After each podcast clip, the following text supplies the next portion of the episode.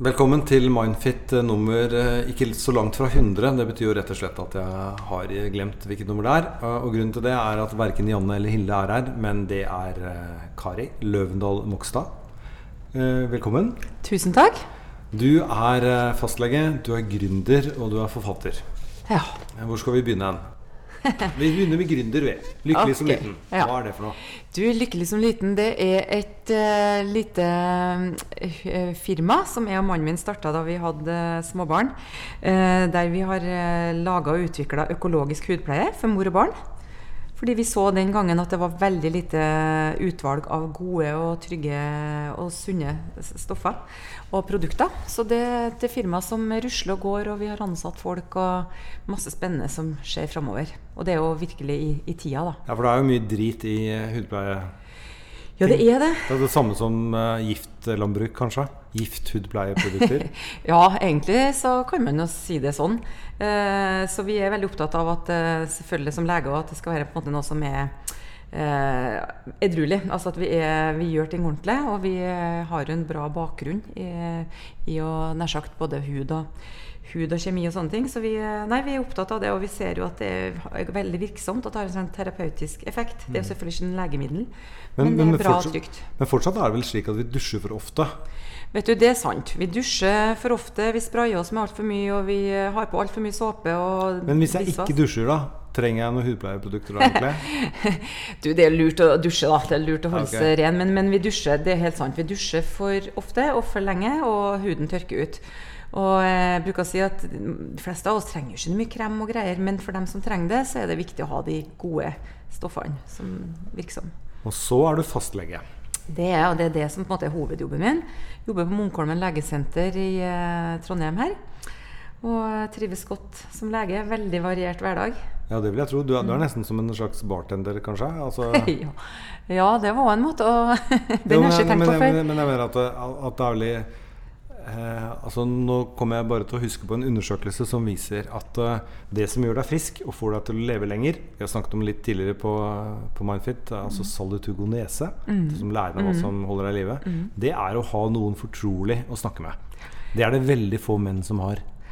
Kjempe, kjempepoeng. Og det tror jeg veldig mange egentlig ikke, ikke aner hva vi fastlegene gjør og ser og hører i løpet av en dag. Altså Mange tenker kanskje at ja, jeg er innom for å få en resept eller en sykemelding. eller en sånn ting, og Det gjør vi selvfølgelig mye av, men, eh, men det her eh, samtalene og det å være et menneske altså Selvfølgelig så er vi en fagperson, men å være et medmenneske som faktisk tar seg tid til å høre på folk. Og som du sier, menn jeg kanskje ikke så, har så mange fortrolige å snakke med. Men det gjelder nok både begge, alle kjønn og alle aldre, for så vidt. Jeg, ser, jeg har mange unge folk, og jeg ser det er så utrolig utrolig meningsfullt når de liksom har lyst til å sette seg ned og, og jeg kan være en person man kan prate med. Men selvfølgelig skulle man gjerne hatt mer tid, og det er jo det ofte som hverdagen er prega av. Men vi, vi, gjør så godt vi kan, og vi, det er utrolig mye vi får høre, og mye Jeg føler meg veldig hva skal jeg si, eh, ydmyk i forhold til hvilken jobb jeg har. da, I forhold til hva man kan bety for folk. Ja. Mm. Og så rekker du også å svinse innom NTNU? ja da. jeg har en bistilling som lektor, eh, underviser legestudenter. Så det gjør jeg jo en del på legekontoret mens jeg har pasienter, fordi de skal lære seg å bli eh, gagne mennesker på en måte. Så rett og slett første- og andreårsstudenter kommer til oss eh, og har pasienter fra nesten første dag. Ja. Så det er veldig ålreit. Veldig lærerikt for meg òg. Ja, og så har dere attpåtil sånn ca. 300 barn eller noe sånt òg? jeg kan trekke fra noen, da. Nei, jeg har jo fem sjøl, men de begynner å vokse ut av redet. Men uh, for å si det sånn, så en gang mor, alltid mor, tror jeg. Så, men eh, nei da, så det er klart eh, det er ikke kjedelig. Klarer du én, så klarer du fire til? ja, ja, jeg er jo virkelig en representant for det. da. Men jeg har ikke alltid følt at det går at det, det, er sånn som er foreldre at man alltid føler man skulle gjort noe bedre eller annerledes. Men så lærer man seg at det, det, det blir jo som regel bra nok. Og så Hvis vi nå ender på at du også er forfatter, så regner jeg med at det er ganske mange av oss som får pustebesvær. Jeg har ikke diagnose, altså. Jo, det tror jeg faktisk du har. Du, du har bare skjult den. Jeg, jeg ser ikke en TV-serie. Det, det, der er jeg veldig kjedelig. Så jeg, jeg, bruker mye tid på andre ting, på en måte. Og der er jeg helt utafor, og det er innimellom jeg skjemmes av. Men, eh, men jeg, nei, jeg er nysgjerrig menneske, og jeg har nok en bra kapasitet her, selvfølgelig. Men, eh, men det å skrive, da. Eh, og det kulminerte jo i ei bok for ett og et halvt år siden. Jeg har jo alltid skrevet mye. Tenkte jo på å bli journalist, egentlig. Så jeg får jo utfolda meg litt med skriving på forskjellige eh, plattformer nå, da. Og eh, det med boka var selvfølgelig en helt annen greie. Det er jo et kjempearbeid med et par års nesten forskning som ligger bak der. Jeg måtte ta permisjon fra jobben, ja. delvis. Og den handler jo om kroppspress. Og det to, de to spørsmålene vi skal besvare i dag, handler om det samme. Ja. Boka heter 'Kroppsklemma', og det var en slags metafor for meg da, for at inntrykket mitt, da, som, ikke minst som mamma gjennom 25-26 år, har har sett liksom hvordan jeg syns utseendeidealet blitt tra trangere og trangere og smalere og smalere og ja. mer intensivert. da. Men det er sånn, nå har jeg, jeg har jo blitt 52, og eh, jeg liksom kan se tilbake på gamle filmer fra 80-tallet og egentlig føle at uh, fytti grisen, jeg så dust ut. Men jeg liksom husker at det var mote. Men nå når jeg ser på moten som er blant 12-13-14, eh, egentlig opp til hele Paradise Hotel-generasjonen, så er den ekstremt fremmed. Altså Jeg syns de ser helt komplett idiotiske ut. Sånn personlig. Men selvfølgelig så husker jeg meg selv tilbake at jeg så helt komplett idiotisk ut for de eh, som var på min alder den gang da, f.eks. i 1984 og sånne ting. Men det mm. betyr at kroppsidealene de forandrer seg jo. Så det betyr egentlig at det er et sånn par generasjoner med kroppspress som er litt forskjellig som som vi har de som lever i dag, er egentlig mitt poeng, på en mm. litt krøkkete måte. Altså At man skal ha store lepper og mm, mm. Altså Det var det jo ikke for 20 år siden. Nei, altså jeg tenker fra tidenes morgen at det har vært et, et, type ideal om å være vakker og være attraktiv. Og, og idealene har jo altså, både fra kultur til kultur, men også generasjon til generasjon, så har jo det endra seg, selvfølgelig. Og, eh, så det er ikke noe nytt at man er opptatt av å være eh, fin og vakker. Men det er liksom inntrykket mitt, i hvert fall sist, altså, jeg tenker jeg slår det jo litt sammen med det inntoget av sosiale medier. Ja. Så det blir så enormt intensivert og så veldig Eh, du blir pådytta et helt konkret ideal fra du står opp om morgenen til du legger deg om kvelden. Og i yngre og yngre alder, fordi de får jo smarttelefoner fra de er stadig yngre nå. Og så er det som du sier, at eh, vi som er i den alderen og er foreldre og sånn, vi kan jo liksom herlighet le av eller bli litt oppgitt av å se på leppene eller rumpene eller sixpacken eller eightpacken eller det utrolig kroppskjøret, da. Men, eh, men tenker det, våre foreldre sa vel det samme, og sånn ja. gjør det generasjonen før. Mm. Når det ble langt hår på gutta, og så ble det kort, og så ble man tynn, og så ble man store pupper. Altså det, sånn tror jeg alltid har vært. Men, men det er den der eh, enorme kommersialiseringa omkring det med kropp og utseende, og hvor mye penger det er i det, for å holde i live det at vi skal aldri være fornøyd med oss sjøl. Mm. Og det, da blir det veldig intensivert, og det syns jeg er kjempeskummelt. da. Ja, fordi at det som er nytt nå, er jo som du sier at man eh, blir bombardert med det fra 24-7 nesten. Eh, og det er det som er annerledes. Som igjen gir et større press mm. eh, på de som vokser opp nå, enn det de forrige generasjonene hadde før internett. liksom. Ja, jeg er ikke i tvil om det. altså. Det, det, er, det er vel ganske stor enighet om at det er, det er, en, en, det er et stort skifte. da. Selv om liksom, du kan si ja, sånn var det da jeg var ung, og det var om å gjøre å fineste i klassen. og sånn, men, men ja, ja. Men da hadde vi et ukeblad i uka, og så var det én TV eller to TV-kanaler. Men nå er det på en måte tusenvis av bilder i løpet av dagen der du skal forholde deg til. da. Mm. Selv om du kanskje ikke gidder å se sånn ut, men du, du må forholde deg til det. Ja. Mm. Men um, skal vi begynne på det første spørsmålet? Ja. Eh, da leser jeg, og så svarer du. Mm. Og du har jo da fagkompetansen her. Jeg er jo da lekmannen. Jeg har ingen utdannelse whatsoever og stiller bare spørsmål når jeg lurer på noe. Hei, jeg har det kjempevanskelig fordi jeg har gjort noe kjempedumt som jeg angrer på. Jeg har valgt å ta en operasjon som innebærer mageplastikk og fettransplantasjon fra rygg, hofte til rumpa. Jeg føler jeg tok det valget da jeg ikke helt var meg selv, og fikk ikke nok betenkningstid og hjelp av kirurgen til å ta et annet valg. Men nå har jeg gjort det, og angrer bittert. Jeg hater meg selv og kroppen min og kirurgen. Jeg går konstant rundt og er lei meg og skuffa over meg selv. Jeg er redd for at uh, jeg senere vil få komplikasjoner for kroppen min, og at det er min feil. Jeg gikk til fastlegen for å få psykolog, men det får jeg ikke dekt pga. at jeg gikk til det private. Alt er bare rot, og jeg trenger hjelp for å leve. Mm. Det var sterkt. Ja. Det er kjempesterk historie. Eh, og jeg får jo skikkelig eh, ja, men det er kjempefint at uh, hun sendte inn spørsmålet, tenker jeg. Så vi får mulighet til å snakke litt omkring det. Um, så hva skal jeg si? Hvor skal vi starte hen? Um, det er jo gjort. Altså inngrepet er gjort.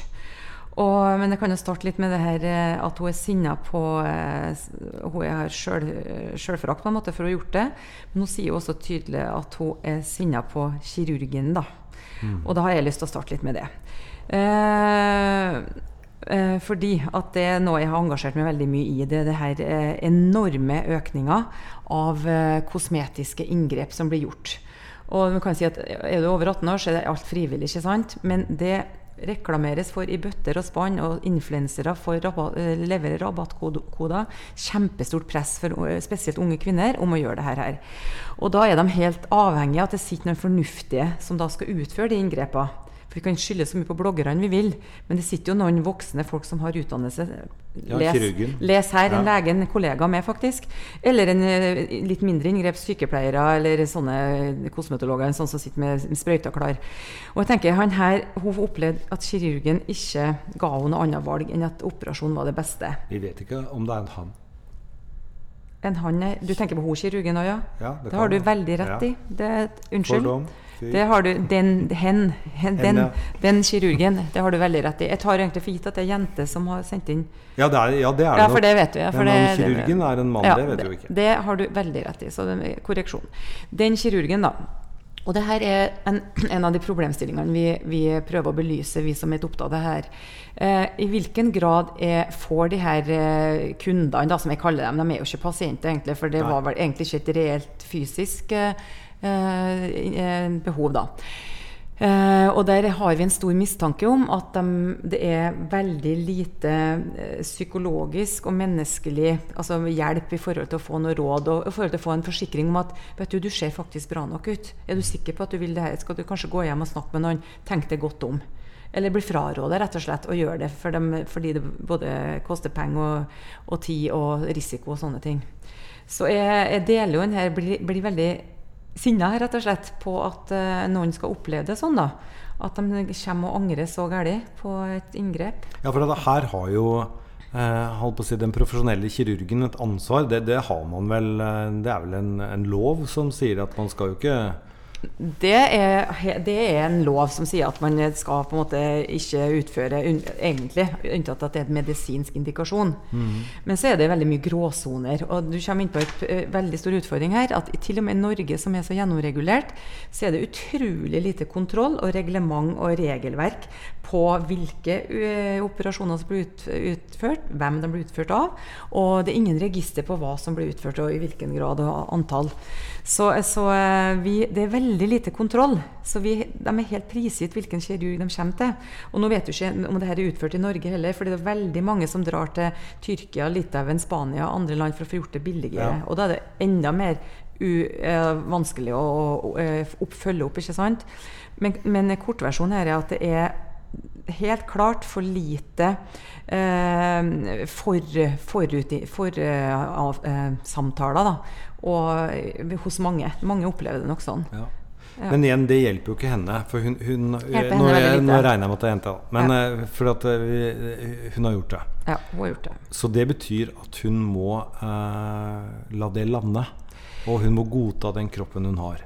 Og så tipper jeg at det ikke er så ille som hun selv føler det akkurat nå. Det har du òg rett i. Altså, det her er jo gjort. Og hun har gjort en sånn fat transposition, som det kalles. da En sånn uh, Brazilian butt lift, virker som, som det kalles også. Ja, ok, ok, ok. Ja, Hva ja, er det? Da kan jeg si litt ja. om det. Ja. Og da er det at du da Det er mer moderne rumpeløft enn eh, de såkalte silikongreiene som har blitt mindre av. Eh, silikon kan du jo for så vidt ta ut, så det har vært enklere på en måte. hvis det er det hun har gjort, For da kan du ta ut silikonet, så satse på at kroppen ordner opp. Men her er det en såkalt fat eller hun kaller det altså fetttransplantasjon. Der du tar da fett f.eks. fra opp bak opp på hoftene, der mange av oss damer har litt fett, magen, sånne ting. Og så tar de faktisk og sprøyter inn det fettet da i rumpa. Ja. Og, og eh, former en rumpe da som skal være à la Kim Kardashian, eller de her forbilder da, som vi vet, og Sophie Elise og sånne som har gått ut med at de opererer seg på den måten der. Mm. Så, så på en måte fettet er jo fordelt og, og flytta på. Så det er jo som du sier, at hun, hun gjort er gjort. Og så blir det på en måte håp at hun har noen hun kan eh, snakke med og få hjelp til å bearbeide det her. Og hun har jo rett i det at det her er ikke en eh, indikasjon for å få en eh, psykolog eller psykiater på et DPS. Nei. Så det er en privat psykolog og eventuelt må investere og gå til, og det, det har jo de fleste ikke råd til. Men jeg håper hun eh, kan eh, likevel f.eks. snakke med fastlegen sin mer om det, eller få noen andre hun kan. Ja, eh, men jeg tenkte på en annen ting. Ja. Eh, det er det at eh, jeg går konstant rundt og er lei meg og skuffa over meg selv, skriver hun. Mm. Og jeg kan bare tenke på at eh, hvis man f.eks. ser seg i speilet og føler at kroppen ikke er som den skal være, det er en veldig sånn ensom tilværelse. Og så bestemmer man seg for å gjøre noe med det, og så blir det en synlig forandring. Så kan frykten komme på hva syns de andre. De kommer til å se at jeg har gjort det. Og hva forteller det eh, om meg? At jeg har gått til en eh, kirurg og fått større rumpe. At det kan være litt flaut. Men den går det vel an å legge bort, eh, føler jeg. For at eh, altså, du har gjort det, og det er kanskje å huske tilbake eh, at hun gjorde det for en grunn. Og så må man bare lande det og stå i det, og akseptere det. Det er akkurat det. Og, og det er som du sier, at de fleste aksepterer det jo greit og på en måte har en anerkjennelse for at det her valget har hun tatt sjøl. Så hun må på en måte bare hun bli, må bli på en måte fortrolig med det valget sjøl som faktisk er gjort. Um, men det er jo trist å høre at hun konstant er lei seg og skuffa i seg sjøl. Og klart, man må jo tenke at det var jo en grunn til at hun gjorde det, og sikkert ikke fornøyd med seg sjøl på forhånd. Og tenker, Da er det kanskje viktig å tenke gjennom er det forskjellige grunner til at man kanskje er lei seg og har det vanskelig, som da kanskje virkelig da gir en grunn til å få hjelp til, til psykolog og bli henvist. Så liksom kanskje lurt å ta opp de tinga der òg med fastlegen sin, eventuelt. Fordi det kan jo hende at det er, hvis man på en måte får tatt tak i helheten, hvorfor man er, har det så vanskelig, da, så jeg håper jeg inderlig at hun får muligheten til å få psykologhjelp. For det hører jeg. Men, eh, men det er ofte at man er sin egen verste fiende. At Ja. man går rundt og er, er så streng med seg sjøl og har sjølforakt og er kritisk og sånne ting. ikke sant? Um, men det er også at det er, som hun helt sikkert har erfart, da, at det, det er jo ikke det det kommer an på. At man endrer på noe, så blir man vips fornøyd. Fordi Nei. det som mange blir kanskje for blå i øynene og hører liksom om på sosiale medier at det ser sånn ut. Mm.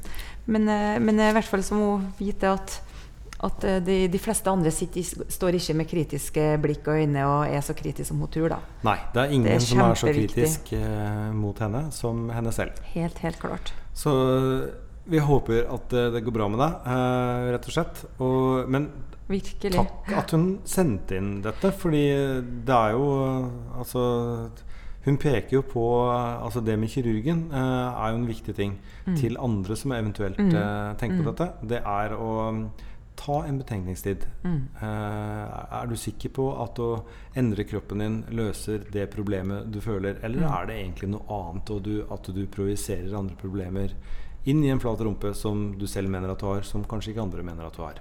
Det er veldig sant. Kjempefint at hun sendte, sendte spørsmålet. Så jeg håper at det i seg sjøl er en del av prosessen, og at hun kan få, få det bedre etter hvert. Jeg føler egentlig at veldig mange av de som skriver inn, uh, at det er en del av prosessen. Mm. så Veldig, det- veldig det flott bra. gjort. Ja. Så da går vi til nummer to. Da leser jeg igjen. Hei, jeg er en 18 år gammel jente som kan lett uttrykke seg skriftlig, men å snakke om problemer muntlig blir vanskelig. Jeg ble sendt til helsesøster på ungdomsskolen pga. klærne begynte å henge på meg da jeg sultet. Likevel klarte jeg ikke fortelle hvordan jeg hadde det. Om noen spør meg om jeg har det bra, kan jeg bli irritert uten jeg ønsker. Jeg lever veldig strengt med meg selv, koser meg aldri med mat og planlegger på hva jeg skal spise og om det er godkjent. Jeg har en klar mening om hva jeg syns er sunt eller ikke. Jeg trener så å si hver eneste dag. Jeg trives med sunn mat og trening, men det tar hele tankegangen. Jeg kan ikke kose meg med noe usunt, og jeg blir fysisk kvalm når jeg først gjør det. Det psykiske er verre. Har slitt med mat og kroppen min siden jeg var 13. Et par ganger har jeg kastet opp, og noen ganger har jeg søkt hjelp. Men føler at jeg får angst av å snakke om mine problemer med andre. Jeg blir skikkelig stressa og har det skikkelig ubehagelig. Jeg blir sett som den flinke jenta. Har gode karakterer, trener hver dag, har to jobber ved siden av skolen og er pliktoppfyllende. Jeg snakker ikke om vanskelige ting med venner og familie, selv om de betyr mye for meg osv. Med vennlig hilsen frustrert jente som vil komme seg ut av den forbanna spiseforstyrrelsen, men likevel vil fortsette å leve sunt fordi hun er redd for å legge på seg. Er, det, er det her en diagnose? Ja, det var noe mye her, da. Eh, hun, hun på en måte har jo laga seg en diagnose sjøl, altså forbanna spiseforstyrrelsen. Så hun ser jo litt på seg sjøl sånn. Eh, ja, det jeg tenker når jeg hører spørsmålet der, da tenker jeg på en diagnose som på en måte ikke er en definert diagnose ennå, da, helt formelt sett, men det er noe vi kaller for ortoreksi. Ortoreksi. Ja. Det er det jeg tenker på umiddelbart. Det er en, vi kan vel for enkelhets skyld kalle det en slags spiseforstyrrelse. Eh, den er på en måte ikke definert på samme formelle måte som anoreksi, bulimi og overspisningslidelse. Men ortoreksi eh, står for det å være eh, mer enn normalt eller på en måte usunt opptatt av faktisk sunnhet. Overopptatt av å være sunn. Eh, og da går det på både trening og kosthold. Og man er utrolig streng med seg sjøl. Og det er jo visse personlighetstyper som på en måte har en sårbarhet for å få det sånn som hun beskriver. da. Eh, at eh, den Litt at du har litt tvangsaktig personlighetsforstyrrelse. Um, og at du har en slags perfeksjonistisk personlighetstrekk. eh, med at du har en veldig stor behov for sjølkontroll. Uh, og så er det en, avart av angst. altså ID kan være ID for noen òg. Uh, så det er ganske komplisert. Uh, men denne ortoreksien har blitt mer og mer beskrevet de siste åra også, litt i lys av det her at det er den her økte fitness-trenden, det her eh, du skal ha den slanke, men sterke kroppen. Uh, og sånne ting. Så, så det her er også veldig, veldig bra spørsmål, veldig bra beskrivelse. eh, som jeg også ser mye av på legekontoret mitt. Mm. De er flinke pikene, ikke sant? De er flinke til alt. De, hun Men, har men, men hvordan havner de hos deg? Altså Skjønner de selv at eh, de sliter med noe? Eller? Begge deler. Ja. Eh, og noen eh, kommer på en måte De er helt utslitt. Ja. Og bare hør, altså, jeg skjønner jo om hun her er sliten. Ja. For du har selvfølgelig ikke bare én jobb, du har to jobber, og så er du flink på skolen. Og så har du et bilde både av deg sjøl, og du har også du, du skjønner at andre har et bilde av det som den perfekte. Du er dyktig, du er flink, du er snill, du er hyggelig, du er pen. Du er, du er liksom Du er vant til å være, være hun der flinke og ordentlige hele veien. Og til slutt så blir det et fengsel, og til slutt så er det noen som møter veggen. Og de møter. De har ikke satt ord på det helt sjøl, men når jeg begynner å snakke med dem, så eh, begynner vi egentlig å dissekere litt. Hva, altså jeg spør dem liksom Beskriv ei uke for meg. Hva du driver på med? liksom? Så tar det kanskje ikke første timen, men kanskje det blir etter andre samtalen at de liksom kommer litt i gang og forteller om ja, nei, de eh, kanskje første år på studiet. Eh, skal, går på et høyt studium der det kreves mye, og så har de jobb, for de skal ha nok, bra nok økonomi, og så trener de fem ganger i uka, og så skal de være sosiale, og så skal de helst eh, ha noe frivillig arbeid på samfunnet, eller et eller annet sånn, eller at de er i russestyret, eller et eller annet sånn. Og så skal ja, altså, Det sier seg sjøl at det her for de fleste ikke går opp, da. Nei. Og da er det noen som får den her eh, bevisste eller ubevisste også trangen til å liksom jage seg sjøl i forhold til å trene enda mer og spise enda mer sunt, som en slags behov for kontroll i noe som er litt ukontrollerbart. For det høres jo ikke ut som et lykkelig liv. Nei, men alt er jo veldig godt hva skal man si, godt ment og veldig bra intensjoner. fordi det er jo egentlig veldig Jeg sitter jo og prediker at man skal spise sunt Ja. daglig, og at man skal trene nok og sånne ting. Så alt det her er i utgangspunktet veldig fine ting. Veldig fine ting. Men det er når det blir på en måte et jag, sånn som hun beskriver det, at hun blir en fange i sitt eget liv. da. Med at hun er nødt til å trene hver dag og har to jobber. Det, det, det, det går ikke opp, da. Eh, og så det jeg blir litt sånn bekymra for i hennes tilfelle, det er jo at hun er tydeligvis så redd for å Hun får angst, skriver hun, av å snakke om problemene sine med andre. Så det, det liksom, For da går det kanskje litt hull på ballongen, eller eh, fasaden sprekker. da. Men igjen, hun har også sendt inn hit, så det er jo en start. Så hun, hun, hun er jo i prosess. Absolutt. Hun mener selv at hun har et uh, problem. Hun mener selv at uh, dette er ikke dette livet hun egentlig vil ha, uh, slik jeg tolker det. Mm. Så hun bør jo egentlig gå til fastlegen sin og, og snakke om dette her. For det, det blir bare bedre. av å gjøre det? Det blir bare bedre av å gjøre det. Og så er det noe med å få eh, Som hun helt sikkert grunnen til at hun har sendt inn, hun vil dele tankene sine med noen. ikke sant? Og det kan hun gjøre med start med fastlegen, eller om hun går på videregående, f.eks. Oppsøk skolehelsetjenesten, helsesøster eller noen. Start en plass. Men i hvert fall så vet jeg av egen erfaring at på vårt kontor så har vi en del sånne tilfeller. Og det er bare det å sette seg ned og komme litt forbi den første skammen med å ta det opp. Eh, det ser jeg mange blir letta av. Og så kan vi hjelpe folk å nøste litt og, og, og, og lande det litt. Mm. Dele det opp litt. Jeg bruker å si dele det opp i delmål. Hva er det du, er det du driver på med, og hva, hva, kan vi ta bort? Vi må prioritere bort. Men jeg må tenke på en ting. Vi har jo mange fastleger og fastlegeordningen her. Eh, men eh, det er jo ikke slik at eh, alle fastleger er gudbenådende generalister. Så jeg mener nei, nei, nei. Det er liksom Altså Jeg skjønner jo liksom at man uh, I hennes tilfelle det hadde vært veldig fint hvis du var fastlegen hennes, for at du kan noe om det, men hun risikerer jo at det er noen som bare ser rart på henne og lurer på hallo. Det, det har du helt rett i, og sånn er det innenfor alle yrkesfelt. Sant, ja? Uansett. Uh, men, men, og det er derfor jeg sier at skolehelsetjenesten Nei. altså F.eks. Mm. studerer hun, så kan hun gå på sitt, altså studenthelsetjenesten. Oppsøk noen. Men jeg ønsker også at hun kunne ha Har hun kanskje søsken, har hun noen venner, har hun noen foreldre? Som hun kan lufte det her med. Og som regel så går det mye bedre enn man tror. Å lufte sårbarhet og, og, ta, og være sårbar og, og vise, vise, en ny, mer sårbar og vanskelig side av seg sjøl.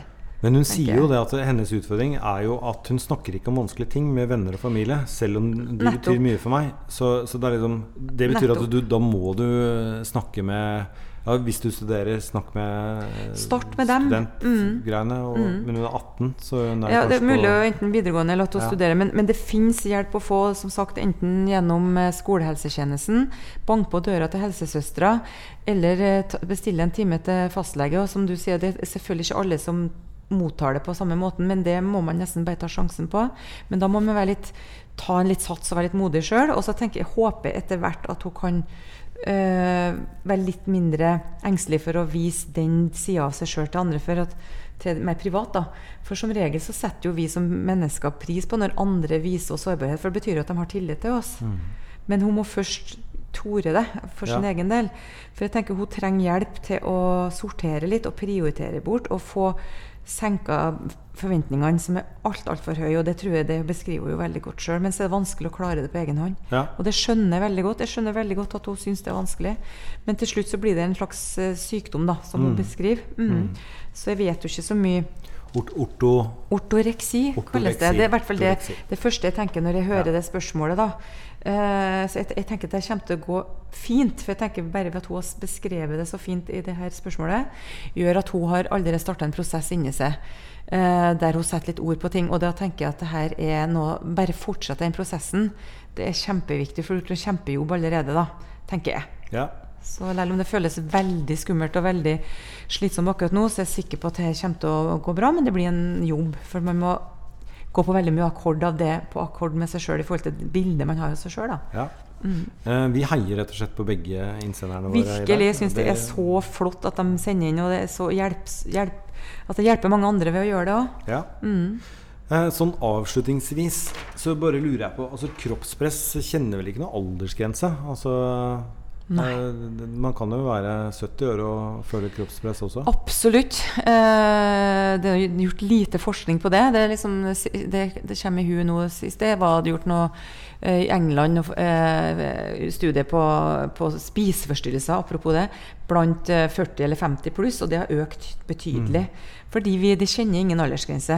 Vi blir bombardert vi, eh, i alle aldre. Og, eh, og, ikke minst det her altså det om å eldes. altså Det er jo blitt ja. helt ut. ikke sant? Du skal ikke ha en rynke, du skal ikke ha noe tegn som viser alderdom og, og, eld, og eldes. Det er veldig ut i samfunnet vårt. For nå er det vel rundt sånn 30 år at uh, en god del kvinner begynner å lefle litt med Botox? For å si det sånn, jeg har, jeg har jo fem barn, og da var det en av mine barn som fortalte at han hadde noen bekjente på sin videregående skole som eh, ja, dette blir jo sånn altså at jeg i hvert fall bare hørt det, at de har begynt å ta Botox såkalt forebyggende når de var mellom 18 og 19 år. Og det er jo helt på trynet. Altså, ja. Det er helt på trynet. Det er helt forferdelig, tenker jeg. altså. Det er det. Og um, som sagt, mange sier ja, men du bestemmer jo sjøl. Ja, man bestemmer sjøl, men søren, altså. Det er enorme krefter som spiller inn. Da kan vi avslutte med Jeg husker ikke hvilken eh, Jeg mener at det var Brad Pitt Mhm. eh, som sa det. Ellers så- så var det Clooney. Så sa de at alder det er eh, liksom, Du kan ikke stikke fra, fra alderen din. På det beste så kan du på en måte eh, liksom komme unna to år. At du kan se liksom to år yngre ut, eller, eller noe sånt. Noe, og du kan ta Botox og alt eh, mulig rart. Du vil fortsatt se ut som alderen din, bare at alle ser at du har tatt Botox Ja. og andre ting. Altså, Den er der, Ja. og det bør faktisk bare være din Ja. venn. Ja, for det blir sånn uh, misforhold mellom uh, kanskje akkurat hvordan man ser ut på visse punkter i, på kroppen, med ellers, da, ikke sant? Så det blir uh, Men det her er vanskelig. Så det er en kjempemarked, og alle aldre kjenner presset. Og, eh, og eh, mange som forteller oss at vi de skal gjøre, lage en bedre utgave av oss sjøl. Det er noe av det verste jeg hører. da. Som Ja. om vi ikke sjøl er i stand til å vite, det. liksom. Ja, for man ser jo, eh, altså i tilfelle eh, man ikke vet det Vi ser at dere har brukt Botox. Ja da, men, men som sagt, jeg stiller meg ikke til dommer over voksne folk som gjør det, men jeg blir veldig sinna på dem, eh, spesielt fagfolk, som eh, ikke er sitt ansvar bevisst og hjelper unge, sårbare mennesker som faktisk står i en posisjon Kanskje de trenger psykologhjelp før de tar den operasjonen. Men på den annen side, hvis folk blir lykkeligere av å ta bedøvelsesmiddel eh, på kroppen sin for å få bli kvitt en rynke, by all means. Eh, det var det vi rakk eh, i Mindfit nummer i hvert fall mindre enn 100. Eh, neste gang så er Janne tilbake. Dere må bare fortsette å sende inn svar, og så takker vi at Spørsmål, du Spørsmål, kanskje? Svar. Eh, spørsmål, ja. Det er veldig bra. Det var det eneste feil vi sa i hele episoden. da Ellers har vi ikke tatt et eneste klipp denne gangen. Men ha det bra, og tusen takk for at du kom. Bare hyggelig. Ha det. Ha det.